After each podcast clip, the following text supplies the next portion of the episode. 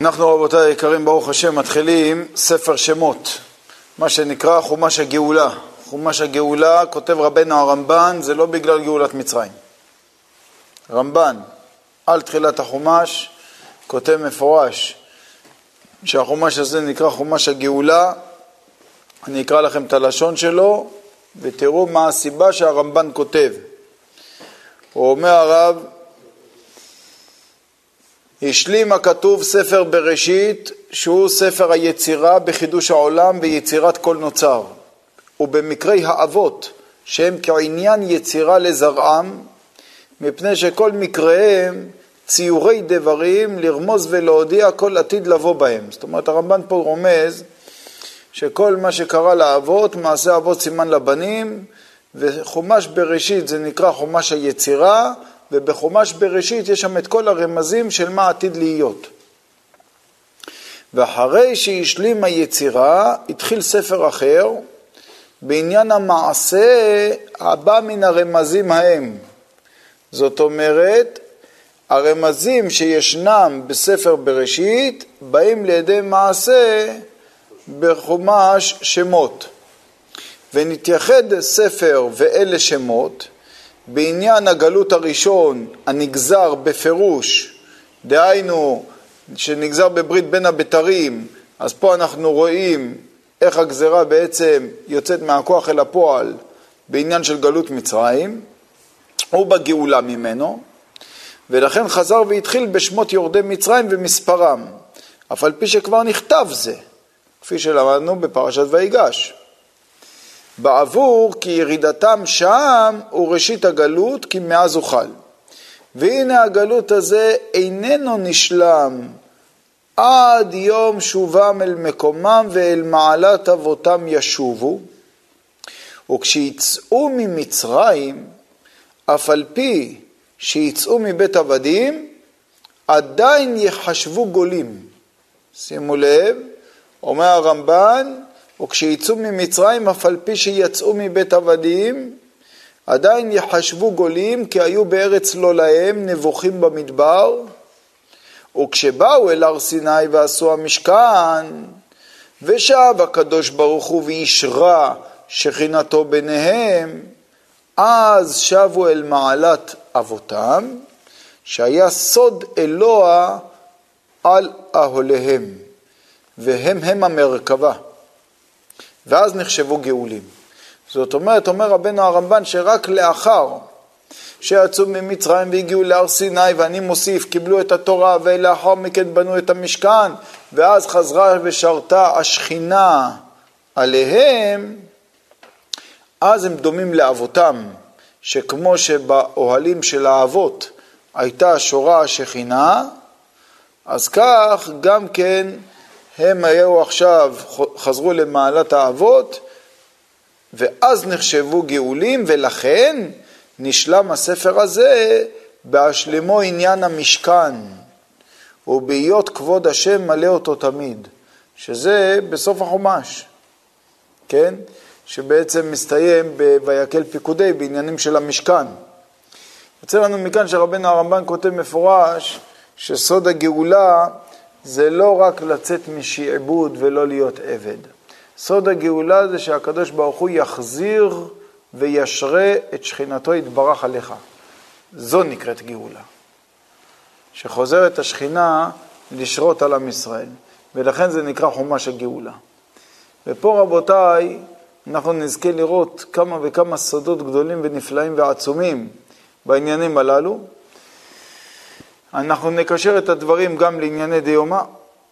אנחנו נכנסים השבוע הזה לימות השובבים הקדושים, שנבין גם את העניין שלהם, וצריך לדעת שהשנה הזאת היא שנה מעוברת, כך שיש לנו שובבים תת. מה שמרן החידה עליו השלום כותב בשם גורי הארי, שעיקר ענייני תיקוני העוונות ששייכים לימות השובבים, שייכים בעיקר בשנה מעוברת. אני בעזרת השם רוצה להראות לכם שהדברים הללו הם דברים שעומדים ברומו של עולם, ממש בסוד הגאולה השלמה, שאנחנו מצפים ומקווים ומייחלים אליה. וצריך הכנה טובה בשביל לנצל את הזמן בצורה הטובה ביותר. אז ברוך השם, כמו כל שנה, אנחנו משתדלים לעשות את תיקוני השובבים, משתדלים לעשות בכמה שיותר מקומות. ברוך השם, עם ישראל חפצים להתקדש ולהיטהר. ויש פניות רבות מהרבה מקומות כבר הרבה חודשים קודם. התקשר אליי דווקא איזה רב חשוב לא מזמן, ביקש שנעשה תיקון ב... אצלו באיזה, באיזו עיר. אמרתי לו, בחפץ לב, אבל כבודו היה צריך להתקשר לפני חצי שנה. כי ברוך השם, הכל כבר ממש מלא ועמוס, כן ירבו, ורבי יקיר היקר, הוא דואג לעניינים הללו וסוגר את הדברים. אז לכן כדאי להתקבץ במקומות שאנחנו עושים. עכשיו אה, גם כן הוציאו פה אה, פלייר כזה, שיש פה את כל השמות של המקומות שאנחנו נעשה את התיקוני השובבים. אז יש פה בחולון, ויש גם בצפון במגדל העמק, וגם בבת ים ובאשקלון, ובאלעד, אצלנו, בירושלים גם כן, וברחובות. אז כתוב את כל המקומות עם התאריכים שלהם.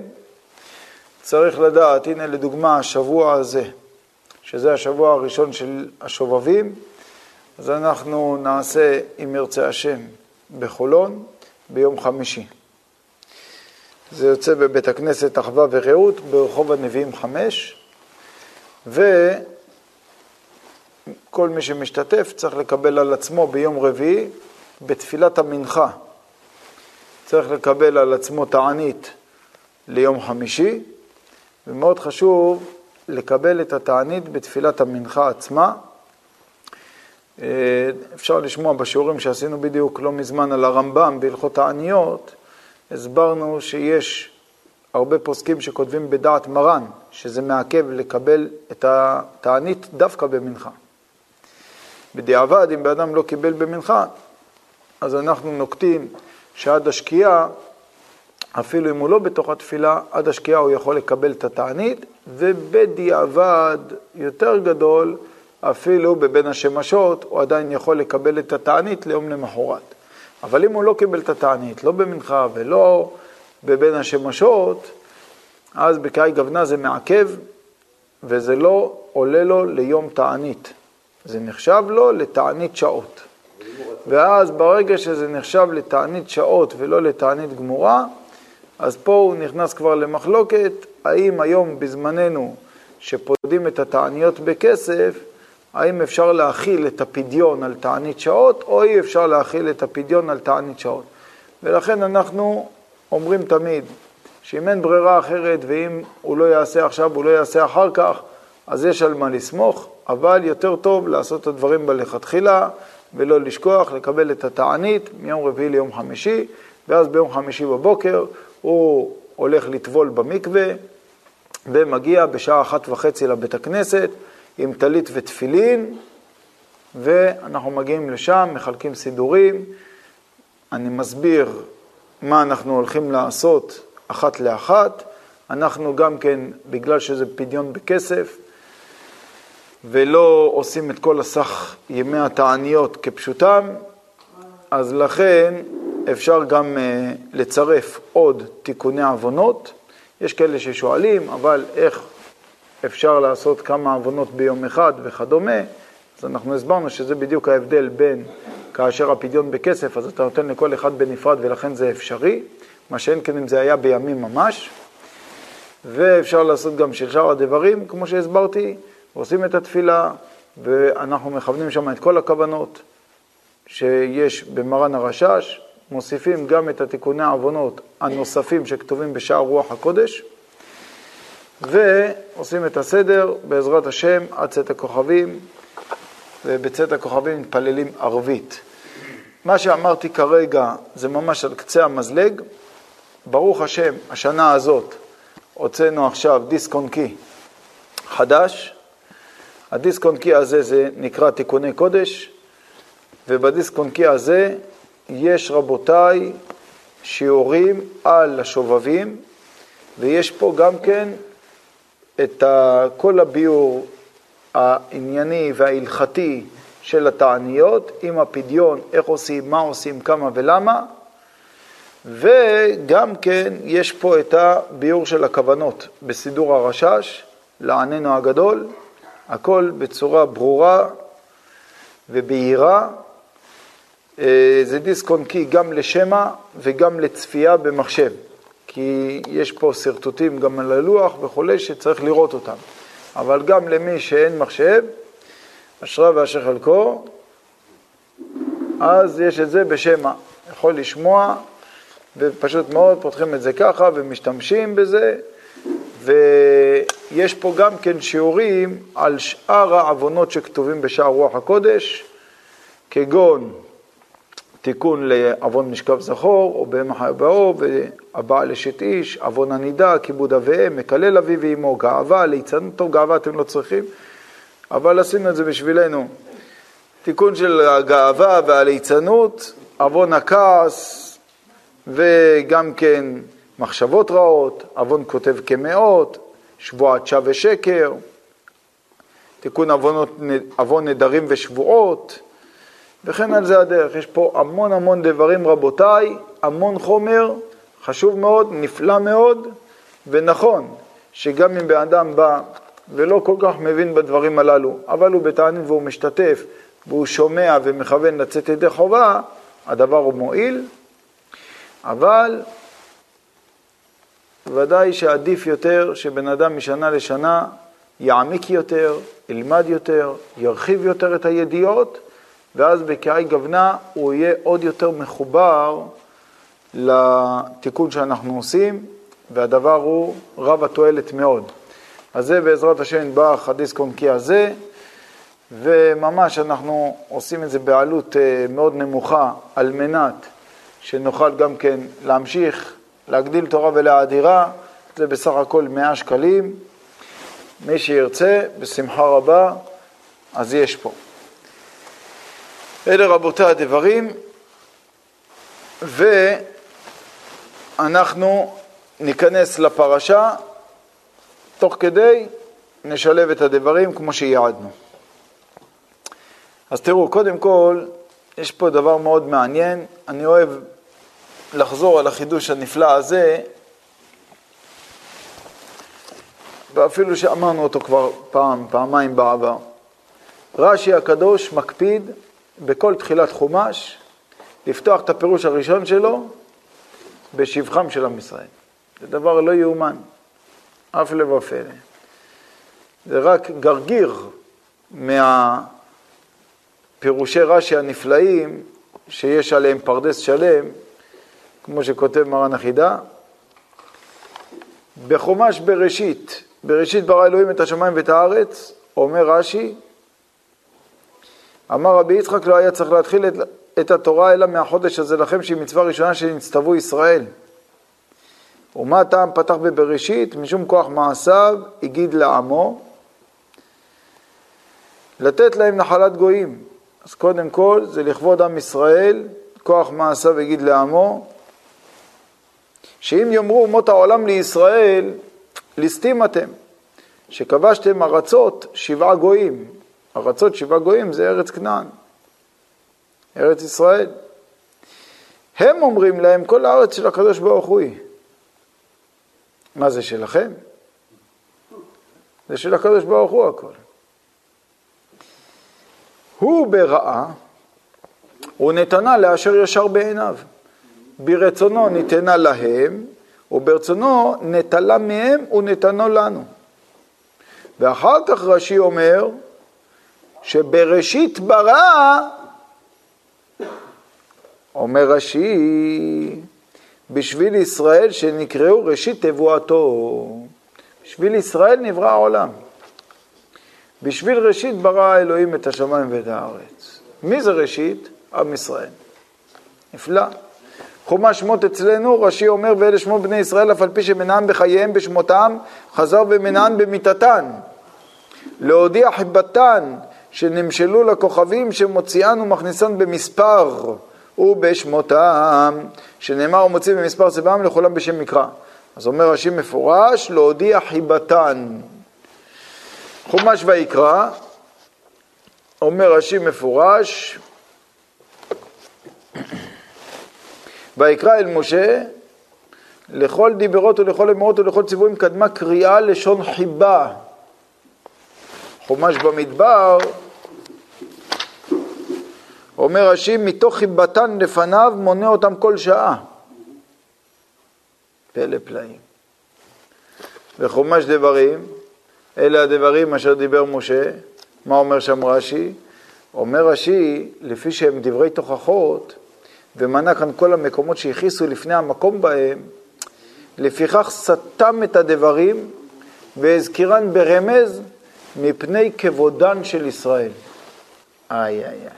אני מתרגש שאני רואה שרש"י מקפיד לפתוח כל חומש בפירוש שזה משום חיבתן או כבודן של עם ישראל, או מעלתן של עם ישראל. נפלא מאוד.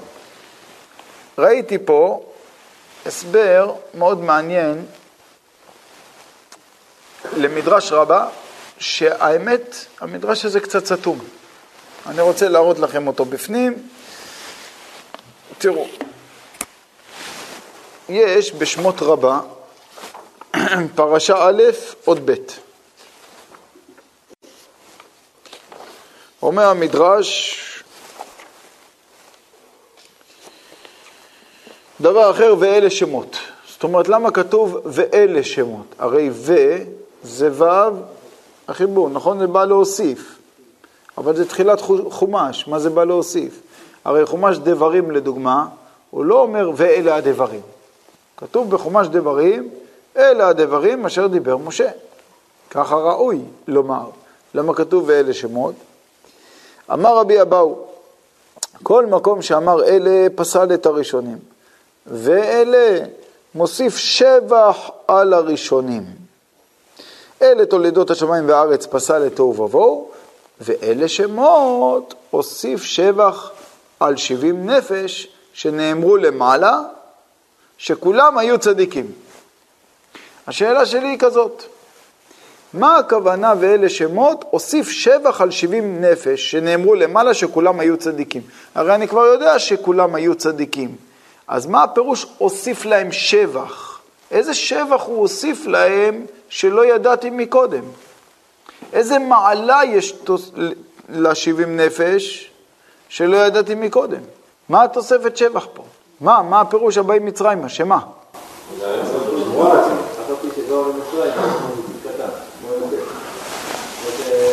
זה הכוונה? אבל אני יודע את זה כבר מקודם, רבותיי היקרים, כתוב את זה ממקודם, כבר בפרשת ויחי וכולי, מנה אותם שנכנסו למצרים. מה כתוב פה? ואלה שמות בני ישראל הבאים מצרימה. רש"י אומר, אף על פי שמנען בחייהם, בשמותם, חזר ומנען במיתתן, אחרי שהם כבר מתו. אז מה ההסבר פה של התוספת שבח? כאן יש הסבר נפלא, שראיתי אותו, רבותיי, אצל רבי יואל מסטמר, אומר דבר נפלא מאוד. מביא זוהר. הזוהר הקדוש כותב בספר שמות, בדף ט"ז. יש פה דרוש ארוך, אני אקרא לכם מה שצריך לענייננו. אומר הזוהר הקדוש, דבר אחר ואלה שאומרים בני ישראל הבאים מצרימה את יעקב, התחזר פרשתה דא למה דאמר רבי יוסף ברבי יהודה וכולי אהבה. זאת אומרת, חזר למה שדרש רבי יוסף ברבי יהודה, והכל היה, שמה?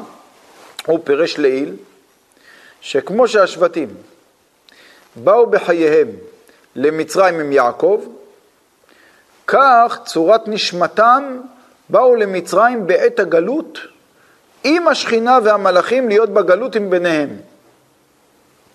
והכל היה כי ירדה השכינה בחיי יעקב וכן אחר מותו בעת ירידת ישראל בגלות. פה הזוהר הקדוש כותב מפורש שכאשר עם ישראל נכנסו לגלות, עוד הפעם הנשמות של השבטים עם יעקב אבינו, והשכינה גם כן, ירדו למצרים. אגב, ראיתי במקום אחר רמז יפה מאוד, שכל מקום שישראל שגלו שכינה עמהם, ובדרך כלל מזכירים את זה, אנוכי ירד עמך מצרימה, אבל יש בזה רמז אצלנו פה, שכתוב בתחילת הפרשה, ואלה שמות בני ישראל הבאים מצרימה. למה לא כתוב, ואלה שמות בני ישראל הבאים למצרים? תגיד בסדר, כי במקום להגיד למצרים, אז אומרים מצרימה. כמו שבמקום להגיד לחרן, אומרים חרנה. יפה מאוד, אבל גוף הקשיא. למה להגיד מצרימה ולא למצרים, אם אפשר גם כך וגם כך? אז ראיתי על דרך רמז דבר נפלא. מצרימה בגימטריה כמה זה? תעשה מ' וצדי, זה כבר 130. ועוד ריש, זה 330. ועוד י', 340. ועוד מ', 380. ועוד ה', 385. מה זה 385? שכינה. זה בגימטריה שכינה. שכינה זה יוצא בדיוק בגימטריה מצרימה. ובא ללמד אותך שכאשר אלה שמות בני ישראל הבאים, מצרימה, גם השכינה הקדושה באה איתם ביחד. אומר הזוהר הקדוש, ותחזה רבי אלעזר בן ערך כדב אמרתי לי פסוקה בבכי. אומר הזוהר, בואו ראה, כאשר רבי אלעזר בן ערך היה מגיע לפסוק הזה, היה מתחיל לבכות. איזה פסוק? ואלה שמות בני ישראל הבאים מצרימה. תדעו לכם שאני הסתכלתי שלוש פעמים עליכם, רציתי לראות אם מישהו יבכה מתי שאני קורא את הפסוק הזה. היום אתה צריך להגיד יורדים לעזה. אתה מבין? לא ראיתי מישהו בוכה. למה לא? איי איי איי, כרבי אלעזר בן ערך, מתי לאי פסוקה, מתי הכוונה הגיעה לפסוק. הוא הבין בעצם את העומק של הפסוק הזה. מה הוא הבין? שימו לב מה אומר הזוהר. דתניא, ששנינו. אמר רבי אלעזר בן ערך, בשעתה דאז לישראל בגלותה, בשעה שהלכו ישראל בגלות. התכנסו כולהו נשמתון דשבטין למערה דחפלתה. זאת אומרת, ברגע שעם ישראל נכנסו לגלות, אז התכנסו כל השבטים, דהיינו, נשמות השבטים והנשמות שלהם הלכו למערתה דחפלתה, דהיינו למערת המכפלה. צווחו ואמרו, צעקו ואמרו, סבא, סבא, כאבה דבנין. אמרו סבא, סבא, שזה יעקב אבינו, כאבה דבנין, לאו בלאותא דעלמא דן. זאת אומרת, הכאב והצער של הבנים שנלאו ביגיעה ועמל של העולם הזה, איננו יכולים לסבול. אנחנו לא יכולים לסבול את הסבל שלהם. בניך כל יום משתעבדים בקשיו, כל בניך משתעבדים בעבודה קשה. עם אחורה נבדין באו נוקמין דעלמא, עם אחר עושה בהם נקמות בעולם. אומר הזוהר הקדוש באי שעתה התארו חד דההוא שבע, באותה שעה נתעורר רוחו של יעקב אבינו. רשותה שאיל ונחית ביקש רשות וירד למצרים. קרא קודשה ברכו לכל רתיחוי ומשרייתהו ומלכיון בראשיון. קרא הקדוש ברוך הוא, אומר הזוהר, לכל מרכבותיו ומחנותיו ומלכם, שהוא הקדוש ברוך הוא, הלך בראשם. ונחתו כולו עם יעקב ועם שבטוי, כולם ירדו עם יעקב ועם השבטים. שבטי נחתו חיים עם אבון, ושבטי נחתו מתים עם אבון. כמו שהשבטים ירדו בחייהם עם יעקב אבינו, גם לאחר המיטה הם חזרו וירדו עם יעקב אבינו.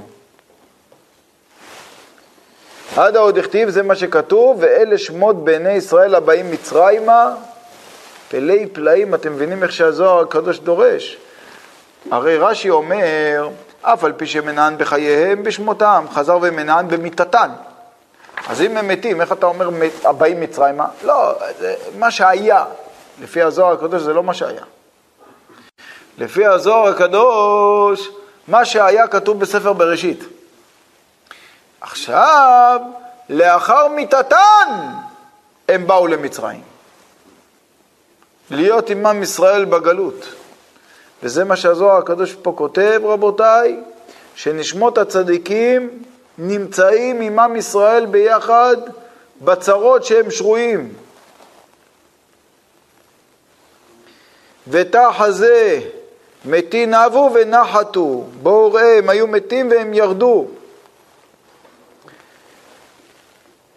וכתיב ויוסף היה במצרים, מה הפירוש ויוסף היה במצרים? צורת נשמתו הייתה במצרים גם אחר שמת, אמר רבי אבא כי הייתי איקחי בזה יוסף נקרא כרחם אב על בנים.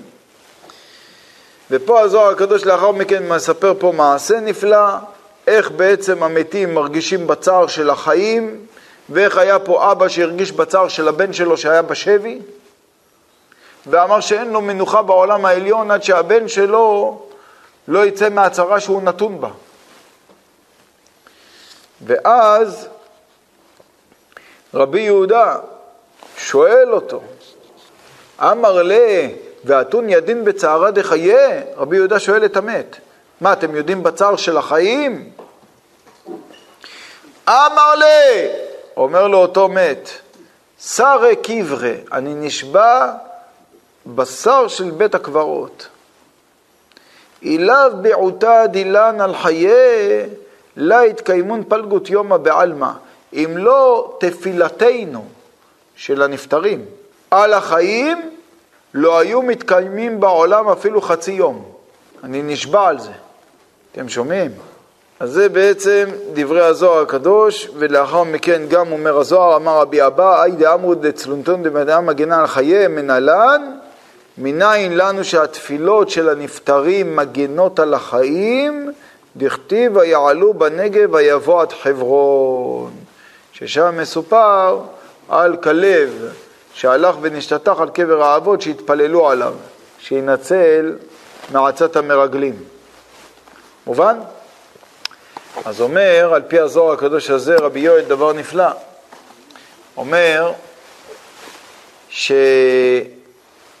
שידוע שהגמרא אומרת במסכת חולין בדף ז עמוד א', שגדולים צדיקים במיתתם יותר מבחייהם. אז אומר דבר נפלא, להסביר על כך את דברי המדרש. מה המדרש אומר פה? הוסיף שבח על שבעים נפש שנאמרו למעלה. הוא אומר, בטח שהוסיף שבח, כי גדולים צדיקים במיתתן יותר מבחייהם. אז על הגדולה הזאת שיש לצדיקים במיתתם יותר מבחייהם, זו הכוונה שהוסיף שבח. איי איי איי איי איי איי איי איי איי איי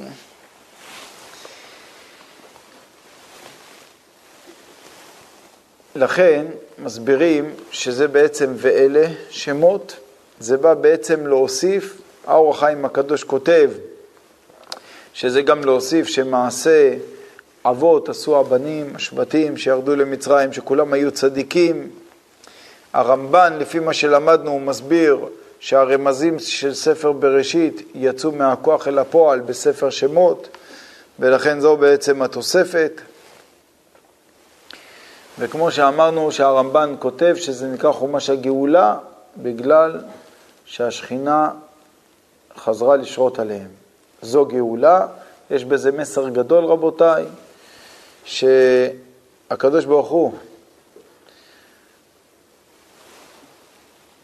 משרה את שכנתו לעם ישראל, על עם ישראל, ורק אז בעצם זאת תיקרא גאולה, זאת אומרת, אפילו לבן אדם יהיה כל טובות העולם הזה, אם השם יתברך לא שורה עליו, ואם אנחנו לא זוכים להשראת השכינה בינינו, אנחנו נחשבים בגלות.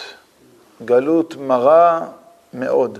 יש בעניין הזה עוד מדרש רבה מאוד מאוד מעניין, שאני רוצה להראות לכם, גם בשמות רבה, בפרשה א' אות ח', כתוב, וימות יוסף וכל אחיו וכל הדור ההוא, ללמדך שכל זמן שהיה אחד מהם קיים, מאותן שירדו למצרים, לא שעבדו המצרים בישראל. ובני ישראל פרו וישרצו. אף על פי שמת יוסף ואחיו, אלוהיהם לא מת. אלא ובני ישראל פרו וישרצו. לא כל כך מובן. אומר המדרש, אף על פי שמת יוסף ואחיו, אלוהים לא מת. למה הייתה לי אבא אמינא חלילה ששייך מיתה בכלל? וחוץ מזה, מה זה שהוכחה שהוא לא מת? כן, השם יתברך, שכתוב, ובני ישראל פרו וישרצו. זה הוכחה שהוא לא. על פי הפשט אומרים פה המפרשים, שאף על פי שיוסף ואחיו מתו, ההבטחה של הקדוש ברוך הוא לא התבטלה. כך מסביר לדוגמה העץ יוסף, אומר מפורש, וחידוש הוא שבהיות יוסף ואחיו קיימים, נכון שיפרו וירבו מאוד, לפי רוב סיפוק צורכם, אבל אחרי מותם בעוניים לא יפרו כל כך, כי היה שעבוד, ומכיוון שהיה שעבוד, אז אולי לא יצליחו. וכך אמר כי יד אלוהים היה עמהם כתחילה. בסדר, יפה מאוד. אבל יש עוד הסבר. תראו, יש גמרא במסכת יבמות. בדף ס"ג עמוד ב' למטה, שורה אחרונה. בדף ס"ד עמוד א' למעלה. אומרת הגמרא, תנו רבנן, ובנוחו יאמר, שובה אדוני חיבבות אלפי ישראל. מלמד שאין השכינה שורה על פחות משני אלפים ושני רבבות מישראל. עוד הפעם, אין השכינה שורה על פחות משני אלפים זה אלפיים, ושני רבבות זה עשרים אלף מישראל. עשרים ושתיים אלף. הרי שהיו ישראל שני אלפים ושני רבבות חסר אחד, וזה לא עסק בפריה ורבייה, לא נמצא זה גורם לשכינה שתסתלק מישראל? קודם כל אני רוצה לשאול אתכם שאלה. מתי שהשבטים ירדו למצרים, הם וצאצאיהם ויעקב אבינו, השכינה הייתה איתם או לא הייתה איתם? הייתה איתם. הם היו פחות מ-22 אלף או יותר מ-22 אלף? היו פחות. תודה רבה. איך השכינה שרתה? אלא מה יתלך לממר? שצדיקים שאני. צריך להסביר, צריך להסביר שכל מה שמדובר שהשכינה אינה שורה בפחות מ-22 אלף, זה דווקא באופן כללי אצל המון העם. אבל אצל הצדיקים שהם בעצם יחידי סגולה, אז גם פחות מ-22 אלף השכינה יכולה לשרות עליהם. הראיה שיעקב וביתו וכולי ירדו למצרים ושכינה עמהם. מצוין. איי, אבל מה תגיד? שברגע שמתו יוסף ואחיו וכל הדור ההוא, שהם היו צדיקים, ועכשיו התחילה גלות ואנחנו יודעים שעם ישראל התחילו לרדת משער לשער בשערי הטומאה, אז אולי שכינה תסתלק מהם, וזה נקרא כביכול בחינה של מיתה, כי מיתה זה עניין של הסתלקות של האור, כמה שמלן שלו. למה לא? כי בני ישראל פרו וישרצו וירבו ויעצמו במאוד מאוד. ועל ידי כך הם התרבו. ועל ידי שהם התרבו, אז השכינה שורה עליהם, אפילו אם לא בגלל האיכות, אבל בגלל הכמות. מובן? אז זה יהיה בעצם ההסבר במדרש שכתוב כך.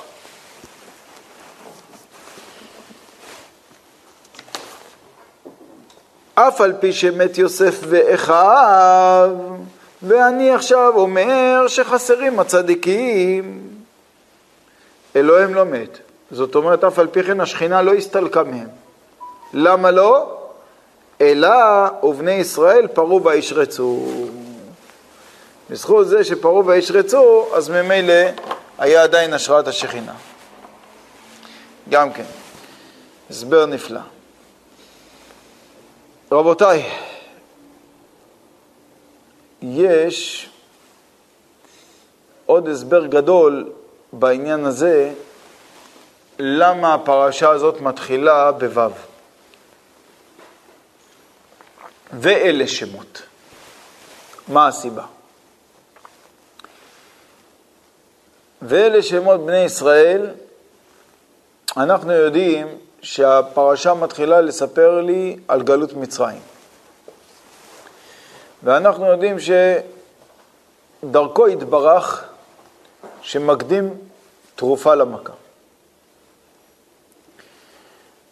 והאות ו' הזאת היא התרופה למכה.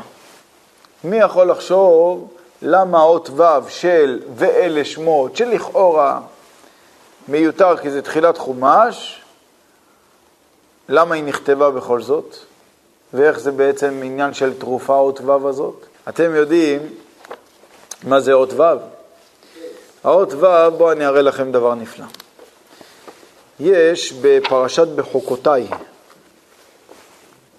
בפרק כ"ו, פסוק מ"ב, בחומש ויקרא. קו מב, אומרת התורה, וזכרתי את בריתי יעקב ואף את בריתי יצחק ואף את בריתי אברהם אזכור והארץ אזכור. ופה כתוב, וזכרתי את בריתי יעקב בכתיב מלא. דהיינו, כתוב פה יעקב עם ו', מה? שאין כן בכל שאר המקומות, חוץ ממקומות בודדים.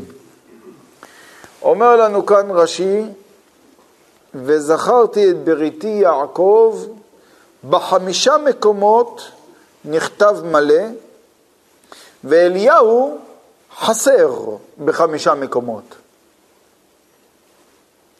יעקב נטל אות משמו של אליהו, ערבון, שיבוא ויבשר גאולת בניו. עכשיו, פה יש כמה סודות נפלאים שאני אגע בהם. ראשית, מהם החמישה מקומות שנזכר יעקב מלא? אחד זה איפה שראינו, ויקרא כ"ו מ"ב, ושאר המקומות זה בספר ירמיה.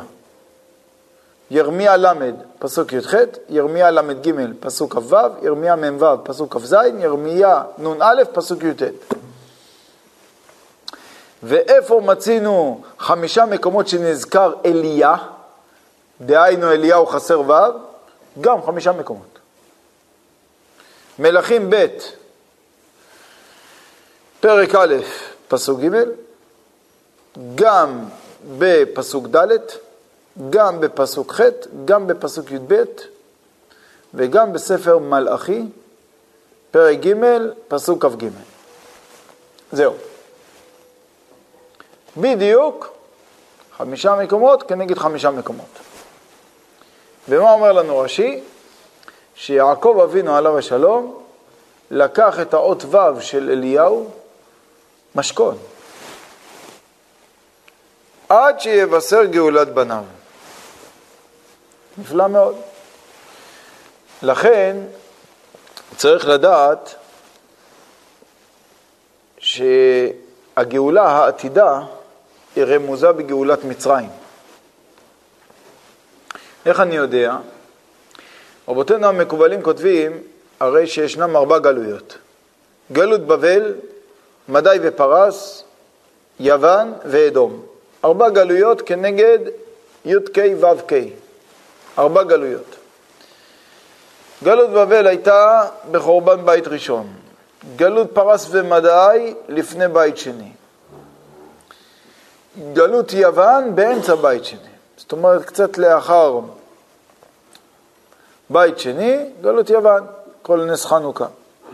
וגלות אדום בחורבן בית שני. מה עם גלות מצרים? איפה היא? מסבירים שגלות מצרים היא שורש כל הגלויות כולם, שזה בסוד הקוץ של היוד. ולכן כתוב, ויקוצו מפני בני ישראל, שזה בסוד הקוצו של היוד. יש סוד בספר היצירה, שאם ירצה השם, בסוגריים עגולים אני אומר, עומד לצאת לאור, ברוך השם, סיימנו אותו לחלוטין, עכשיו זה עובר, הגאות אחרונות, ונזכה, בעזרת השם, שיצא הפירוש של ספר היצירה בצורה מאוד מאוד מיוחדת.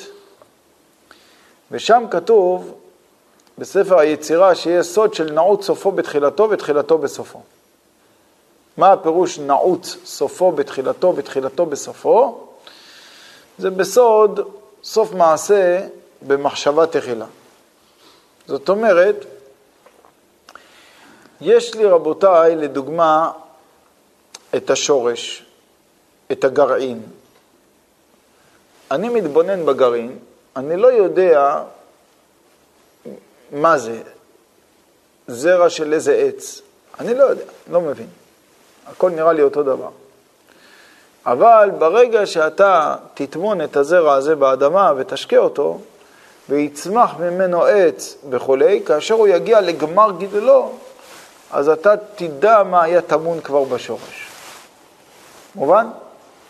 כאשר יש לי לדוגמה איזשהו מהנדס גדול, שרוצ... שמכין איזשהו מגרש לבנייה של בניין, אני לא יודע איזה בניין הוא עומד לבנות, אני גם לא מהנדס, אני גם לא יכול לשער לעצמי מה עולה בדעתו, אבל אני יוכל לדעת מה עלה במחשבה שלו, מתי? מתי שאני אראה את גמר המעשה. ברגע שאני אגיע ואני אראה את גמר המעשה שלו, אז אני אבין למפרע מה עלה לו במחשבה מתחילה.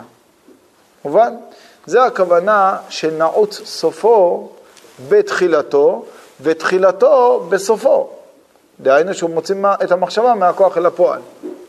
לכן, תבינו רבותיי היקרים, שהגאולה הסופית היא בעצם תמונה כבר בגאולת מצרים. גאולת מצרים, גלות מצרים וגאולת מצרים זה בעצם הראשית, והגאולה הסופית זה האחרית. ולכן כתוב מפורש, כמצאתך מארץ מצרים, ערינו נפלאות.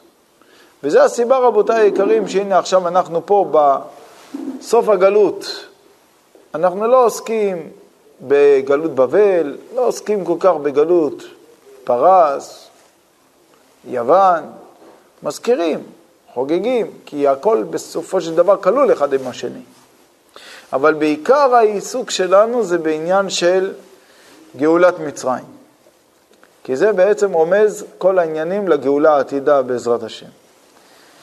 לכן, איזה אות יעקב אבינו עליו השלום לקח מאליהו, שזה יהיה משכון על כך שהוא יבוא לבשר את הגאולה, את האות ו'. ולכן חומש שמות, שהוא חומש הגאולה, הוא מתחיל בעצם באות ו' הזאת. ואלה שמות. עכשיו צריך לדעת שלמה דווקא את האות ו', ולמה דווקא מדובר פה על יעקב ועל אליהו והגואל, משה רבינו. ואתם רוצים לשמוע דבר מאוד מעניין? בפרשה שלנו, הקדוש ברוך הוא מתגלה למשה רבנו בסנה הבוער, ושולח אותו לגאול את עם ישראל ממצרים. ומשה רבנו מתחמק, כידוע, עד שלאחר דו-שיח ארוך מאוד, משה רבנו אומר, שלח נא ביד תשלח. מה ההסבר של שלח נא ביד תשלח? איי איי איי איי איי איי איי איי איי איי איי רש"י הקדוש כותב, שלח נא ביד תשלח ביד מי שאתה רגיל לשלוח, שהוא אהרון. אמת. אבל דברי תורה כפטיש יפוצץ סלע. מתפשטים לכמה דברים ולכמה טעמים ולכמה פירושים. רש"י כותב את הפשט. יש פה תרגום יונתן בן עוזיאל. מיוחס ליונתן בן עוזיאל, יש בזה דיון אם זה יונתן בן עוזיאל או אם זה תרגום ירושלמי. בין כך ובין כך, תרגום קדמון. אתם יודעים מה הוא כותב פה? תקשיבו טוב. איך הוא מתרגם את הפסוק, שלח ביד תשלח, שכתוב בשמות פרק ד', פסוק י"ג. ואמר בבאו ברחמין מן קודמך אדוני. שלך כדון שליחותך ביד פנחס, דחמי למשתלך בסוף יומיה. מה זה? משה רבינו אמר לקדוש ברוך הוא, לפי התרגום, הוא אמר, בבקשה ברחמים מלפניך השם, שלח את השליחות שלך ביד פנחס, דחמי לי משתלך בסוף יומיה, שהוא הראוי להשתלח בסוף הימים. וכותבים פה המפרשים לפי ביאור יונתן, שהוא מכוון, תשלח על אליהו הנביא, שעתיד להשתלח לגאול את ישראל מן הגלות בקץ הימים, שפנחס הוא אליהו. וכך התרגום עקבי בדבר הזה גם בהמשך. בפרק ו', פסוק י"ח, הפלא ופלא. אז זאת אומרת, משה רבנו, מה הוא ביקש? הוא ביקש, ריבונו של עולם, אם זה יהיה עכשיו על ידי, זה יהיה גאולה זמנית. אבל אני רוצה שכבר תהיה הגאולה הסופית. תשלח את אליהו. אז עכשיו הדברים מתקשרים היטב. השם יתברך בעצם גלוי וידוע לפניו יתברך שעדיין לא הגיע הזמן לגאולה הסופית באותו זמן, אבל משה רבנו עליו השלום הוא את שלא עושה.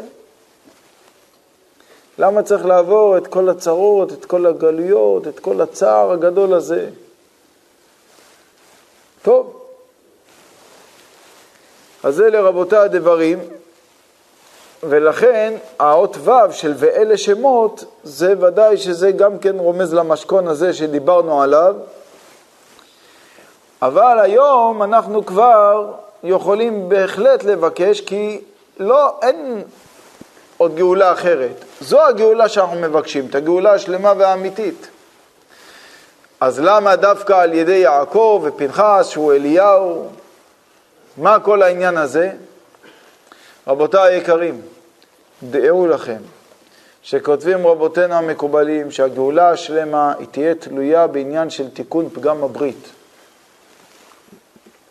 ולכן מי שעתיד לבשר זה דווקא פנחס שהוא אליהו, שהוא בעצם מלאך הברית. ולכן האות של הגאולה הזאת שיעקב אבינו לוקח זה האות ו', שהאות ו' היא רומזת לאות ברית קודש, דהיינו ליסוד שרמוז באות ו'. וגם משה רבינו עליו השלום שגאל את עם ישראל ממצרים, כתוב שהוא נולד מהול, ותראו אותו כי טוב. זאת אומרת, כל הדבר הזה הוא תלוי בעניין של הברית, למה? כי השם יתברך, שהבטיח את ההבטחות הגדולות לאברהם אבינו, הוא הבטיח את ההבטחות הללו בזכות הברית בינו לבין אברהם, שהברית הזאת באה לידי ביטוי באות ברית קודש. זו המצווה שהקדוש ברוך הוא ציווה את אברהם אבינו, זו הברית בינינו לבינו. וכך יעקב אבינו, שהוא, ששמר על עצמו ואומר ראובן כוחי וראשית עוני, ורש"י מפרש טיפה ראשונה שלי. הוא זה שראוי לבוא ולקחת משכון מאליהו שיבוא ויבשר. ובזכות מה אנחנו נזכה להבטחה של הקדוש ברוך הוא לקיום של הברית מצידו יתברך, אם אנחנו נזכה לקיים את הברית מצידנו. אם אנחנו זוכים לקיים את הברית מהצד שלנו, אם אנחנו מקיימים את החלק שלנו בהסכם, אז השם יתברך יקיים את החלק שלו בהסכם. ומה החלק שלנו בהסכם? לשמור את הברית בינינו לבינו. ולכן אדם שחלילה וחס פוגם בברית בינינו לבין השם יתברך, אז הוא בעצם נקרא מפר ברית, ועל ידי כך מתארכת הגלות יותר ויותר. כי האות ו' הזאת היא גם רומזת לאלף השישי, שאנחנו נמצאים שם, ומשם אנחנו צריכים להיגאל, שזה האלף השישי, שזה היסוד, שזה האות ברית קודש, שזה מלאך הברית, שצריך לבשר לנו את בשורת הגאולה השלמה. ולכן, שתדעו לכם, זה שאנחנו מקיימים את ימות השובבים ועושים כל מיני תיקונים לעניין של לחזק את הברית בינינו לבין השם יתברך, עושים את כל התיקונים הללו בשביל לבקש מחילה וסליחה וכפרה שאנחנו לא קיימנו את הצד שלנו בהסכם. ועל ידי שאנחנו זוכים לחזור בתשובה שלמה, בעיקר על עניינים של תיקוני היסוד, על ידי התשובה הזאת, רבותיי, שיהיה ברור, השם יתברך רואה שאנחנו באים ומקיימים את הצד שלנו בהסכם, שאנחנו בעצם מחזקים את הברית בינינו לבין הקדוש ברוך הוא, ואז על ידי כך השם יתברך יגאל אותנו גאולת עולמים ברחמים לעד ולנצח נצחים. מאוד מאוד חשוב להבין את הדברים הללו, רבותיי, ואני חייב להגיד לכם לסיום, לסיומת, חידוש עצום, עצום, בעניין הזה, סוף הפרשה, ואני אקדים ואומר, ואני אהיה קצת חצוף, בסדר? יש כאלה ששואלים ואומרים, רגע, סליחה, אבל גם אם אנחנו עכשיו בסדר וחוזרים בתשובה וממלאים בתי כנסת, אבל עדיין לצערנו הרב יש רבים רבים שנמצאים בחוץ.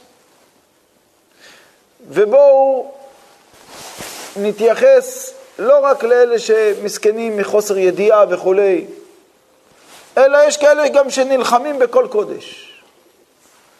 ויש כאלה שלא חפצים, טוב להם ככה. תגיד להם, מה, אתם לא רוצים גאולה? אתם לא רוצים משיח? לא. מה יהיה מתי שיהיה משיח, שיהיה גאולה? או, איזה כיף יהיה, ומלא הארץ דעה את אדוני, לים מכסים, נזכה להש... להכיר את האלוקות בצורה העמוקה ביותר. אה, לא, לא. אני טוב לי ללכת לחדר כושר, ואחר כך להיכנס לבריכה ולאכול סמבוסק פיצה. תגיד, אתה נורמלי? כאילו, אתה, אתה אומר לי שאתה מעדיף לחיות בפח אשפה מאשר להיות מלאך אלוקים? אז אני לא רוצה להרחיב את היריעה על איזה תשובות אתה יכול לשמוע, תצלנה שני אוזניים, אבל יבוא מי שישאל, יבוא מי שישאל ויגיד, נו, אז מה יהיה? אז מה יהיה? אתם יודעים שיש את הכת הארורה של הרפורמים, שהם מוצאים כביכול סידורי תפילה. יש להם בהמלצת הרבה. כן. אז כל, כל הבקשות לבניית ירושלים, כל הבקשות לבניית בית המקדש, הם פשוט מאוד מחקו את זה שם, מהסידורי תפלה שלהם. שמעתי פעם אחת איזה רבא דבא אחת דיברה, היא אמרה, היא אמרה, אנחנו לא מתפללים על, על בניין בית המקדש, כי אנחנו לא רוצים שיהיה מלחמה. איך ייבנה בית המקדש? יהיה מלחמה. אנחנו שוחרי שלום. מה הקשר אחד לשני? לא יאומן כי יסופר. זה רבה. זה תשים את המוח שלה ביונה, תעוף אחורה. מה זה הדברים האלה? איי איי איי איי איי איי איי איי איי איי איי שיתגלה אור האמת בעולם, שיתגלה אור האמת בעולם. רבנו הרמב"ם עליו השלום כותב שאומות העולם ירדפו אחריך. לשמש אותך, לשמש את עובדי השם. עד כדי כך. מדרש תנחומה אומר, אם אומות העולם היו יודעים כמה תועלת הם מקבלים מתי שעם ישראל מקיימים את המצוות של התורה, אומות העולם היו שוכרים שתי שומרים על כל יהודי שישמור את כל המצוות כמו שצריך. הם היו שוכרים, עד כדי כך. על מה מדברים? כולם נרדפה לדעת את השם. טוב, תראו, בסוף הפרשה, משה רבנו ואהרון מגיעים לפרעה. ואז כתוב ככה, ויאמר עליהם מלך מצרים, למה משה ואהרון תפריעו את העם ממעשיו? לכו לסבלותיכם. ויאמר פרעה, הן רבים עתה עם הארץ, והשבעתם אותם מסבלותם.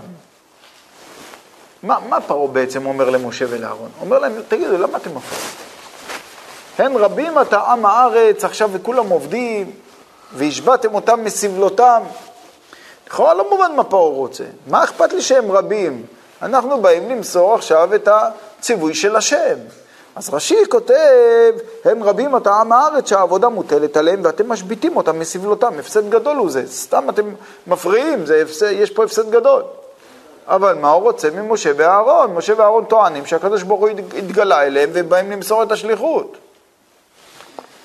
רוצים לשמוע פירוש? הרי רבנו הארי כותב שפרעה היה חכם גדול מאוד. היה מחשב גדול מאוד, ידע עתידות, לא תמיד בצורה מדויקת, אבל היה לו כיוון, כן. איי איי איי איי איי איי איי איי איי איי איי פרעה ידע, פרעה ידע שרוב עם ישראל שהיו במצרים לא רוצים לצאת ממצרים. פרעה ידע שרוב עם ישראל שנמצאים במצרים לא רוצים גאולה. אתם שומעים? תקשיבו, זה פירוש שעוד לא שמעתם. הוא ידע שרוב עם ישראל שנמצאים במצרים לא רוצים גאולה. וזה מה שהוא אומר.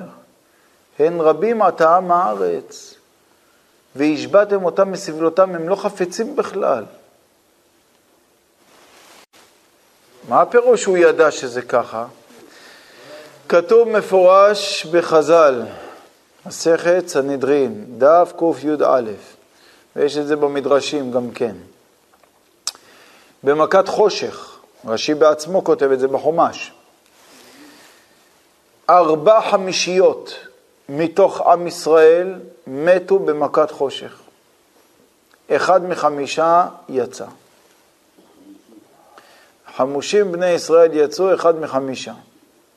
אלו שמתו, רש"י אומר מפורש, שהיו רשעים, שלא רצו להיגאל ממצרים, לא רצו לצאת ממצרים, ומתו במכת חושך בשביל שהמצרים לא יראו ויגידו הנה המכה גם פגעה בישראל, ומתו במכת חושך וקברו אותם במכת חושך.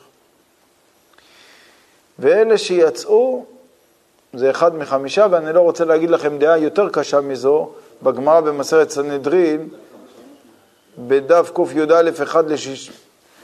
אחד לשישים ריבו. כן, תסתכלו בבקשה בגמרא בסנהדרין. עכשיו ככה. או, ולמה הם נקראים רשעים? תקרא להם טיפשים. מה אתם פה במצרים מלקקים דבש? אתם במצרים, אתם עבדים. אז אם אתם לא רוצים לצאת, נו, בטח התרגלתם להיות בעבדות, אז אתם מסכנים, אתם טיפשים, אתם חושבים ש, שזה המצב הטוב בשבילכם. אז תגיד שהיו טיפשים שלא רצו לצאת. למה לקרוא להם רשעים? התשובה היא, כי משה רבינו עליו השלום, מתי שהוא אמר להם, אני מוציא אתכם ממצרים, אני גואל אתכם, בשליחות של השם יתברך, הוא לא התכוון להגיד להם, אני גואל אתכם, ואתם תצאו מפה מלהיות עבדים, ואתם הופכים להיות כל אחד ברשות עצמו, כל אחד יעשה מה בא לו, כל אחד יכול להתפרע וללכת ולשרוף את העולם. כל אחד ילך, זה ילך לקאנטרי קלב, וזה ילך לכל מיני תפנוקי וענייני הבלי העולם הזה. משה רבנו לא אמר להם את זה. משה רבנו אמר להם מפורש, עכשיו אתם עבדים של בשר ודם. אתם יוצאים ממצרים, משעבוד לחירות, אבל איזה חירות זה? אתם מקבלים על עצמכם עול תורה ומצוות. עד עכשיו הייתם עבדים לפרעה, מעכשיו אתם תהיו עבדים של מלך מלכי המלכים הקדוש ברוך הוא. אבל אתם יוצאים על מנת לעבוד את השם. אתם יוצאים על מנת לקיים ולשמור תורה ומצוות. ואז היו הרבים, רבים, רבים, שלפי מה שהסברנו זה 80 אחוז, שאמרו, אי אחי לא בעינה. זאת אומרת, אז מה, אם אני בכל מקרה הולך להיות משועבד, אז אני כבר מעדיף להישאר במצרים. לכן רש"י אומר, רשעים היו, שלא רצו לקבל עול מלכות שמיים. פרעה ידע את זה, ומכיוון שפרעה ידע את זה, לכן הוא אומר, אין רבים עם הארץ, שלא רוצים. ומה הוא רוצה בעצם פרעה לטעון? אחרי רבים להטות. ומאחר והרבים לא רוצים לצאת ממצרים, אז למה תפריעו והשבעתם אותם מסבלותם? תניחו אותם. בשלמה הרוב היו רוצים לצאת, בסדר, אבל הרוב לא רוצים. אז אחרי רבים להטות. ומה הייתה הטעות הגדולה פה של פרעה? שבדברים הללו לא הרבים קובעים. המעטים שרוצים להיגאל, המעטים שנמאס להם מהגלות הזאת, המעטים שרוצים גאולה אמיתית, שרוצים בית מקדש, שרוצים משיח, המעטים האלה לא יפסידו בגלל הרבים שלא רוצים. לא. ויהיה בית מקדש, ויהיה משיח. ולכן, רבותיי היקרים, צריך לדעת את הדבר הזה, ואני אסיים איתכם באיזה חידוש שהתחדש לי באותו עניין. יש פה ספורנו. הספורנו אומר, שימו לב, אין רבים הטעם הארץ. הוא אומר, כי המשכילים לא יפנו אל דבריכם. זאת אומרת, פרעה אמר להם, אתם יודעים מי יאמין לכם? אתם יודעים מי יאמין לכם? שאתם הולכים לגאול אותם וכולי? אלה האנשים הפשוטים. המשכילים, ממילא הם לא ישמעו לכם. אז למה אתם תפריעו לאנשים הפשוטים מלעבוד? פלא פלאים. זאת אומרת, יש פה רמז נפלא מאוד, שדווקא האנשים הפשוטים, שהם המאמינים והם יאמינו ומאמינים למשה ואהרון שכן הולכת להיות פה גאולה, הם יזכו. והמשכילים, אלה שלכאורה חכמים בעיני עצמם, ומה מה אני צריך, מה אני צריך בית מקדש, תגיד לי? אני, יש לי בית חכם. אני עושה לו שתי מחיאות כפיים, הוא מוציא קירור. שלוש מחיאות כפיים, חימום. אני יוצא מהמשרד, אני שולט עליו כבר מהדרך, וכבר אני מגיע ויש כבר מים חמים, ואיך שאני נכנס אני שם את הרגליים בנעלי בית, ויש לי שטיח עם צורה של נמר. בא... אז אומר הספורנו, המשכילים לא יפנו על דבריכם. בסדר, אז הם יישארו עם הנמר. אבל דווקא האנשים הפשוטים, עם האמונה התמימה והפשוטה והאמיתית, יזכו לגאולה. אנחנו, רבותיי היקרים, שיהיה ברור, אנחנו עושים את שלנו. אנחנו מאמינים בני מאמינים, ואנחנו נז... נעשה את כל ההשתדלות שלנו בכל הכוח שנזכה לגאולה השלמה, ואנחנו מתפללים על כל עם ישראל ועל כל ניצוץ יהודי בכל מקום שהוא נמצא שם, שיזכו לגאולה השלמה. זו התפילה שלנו.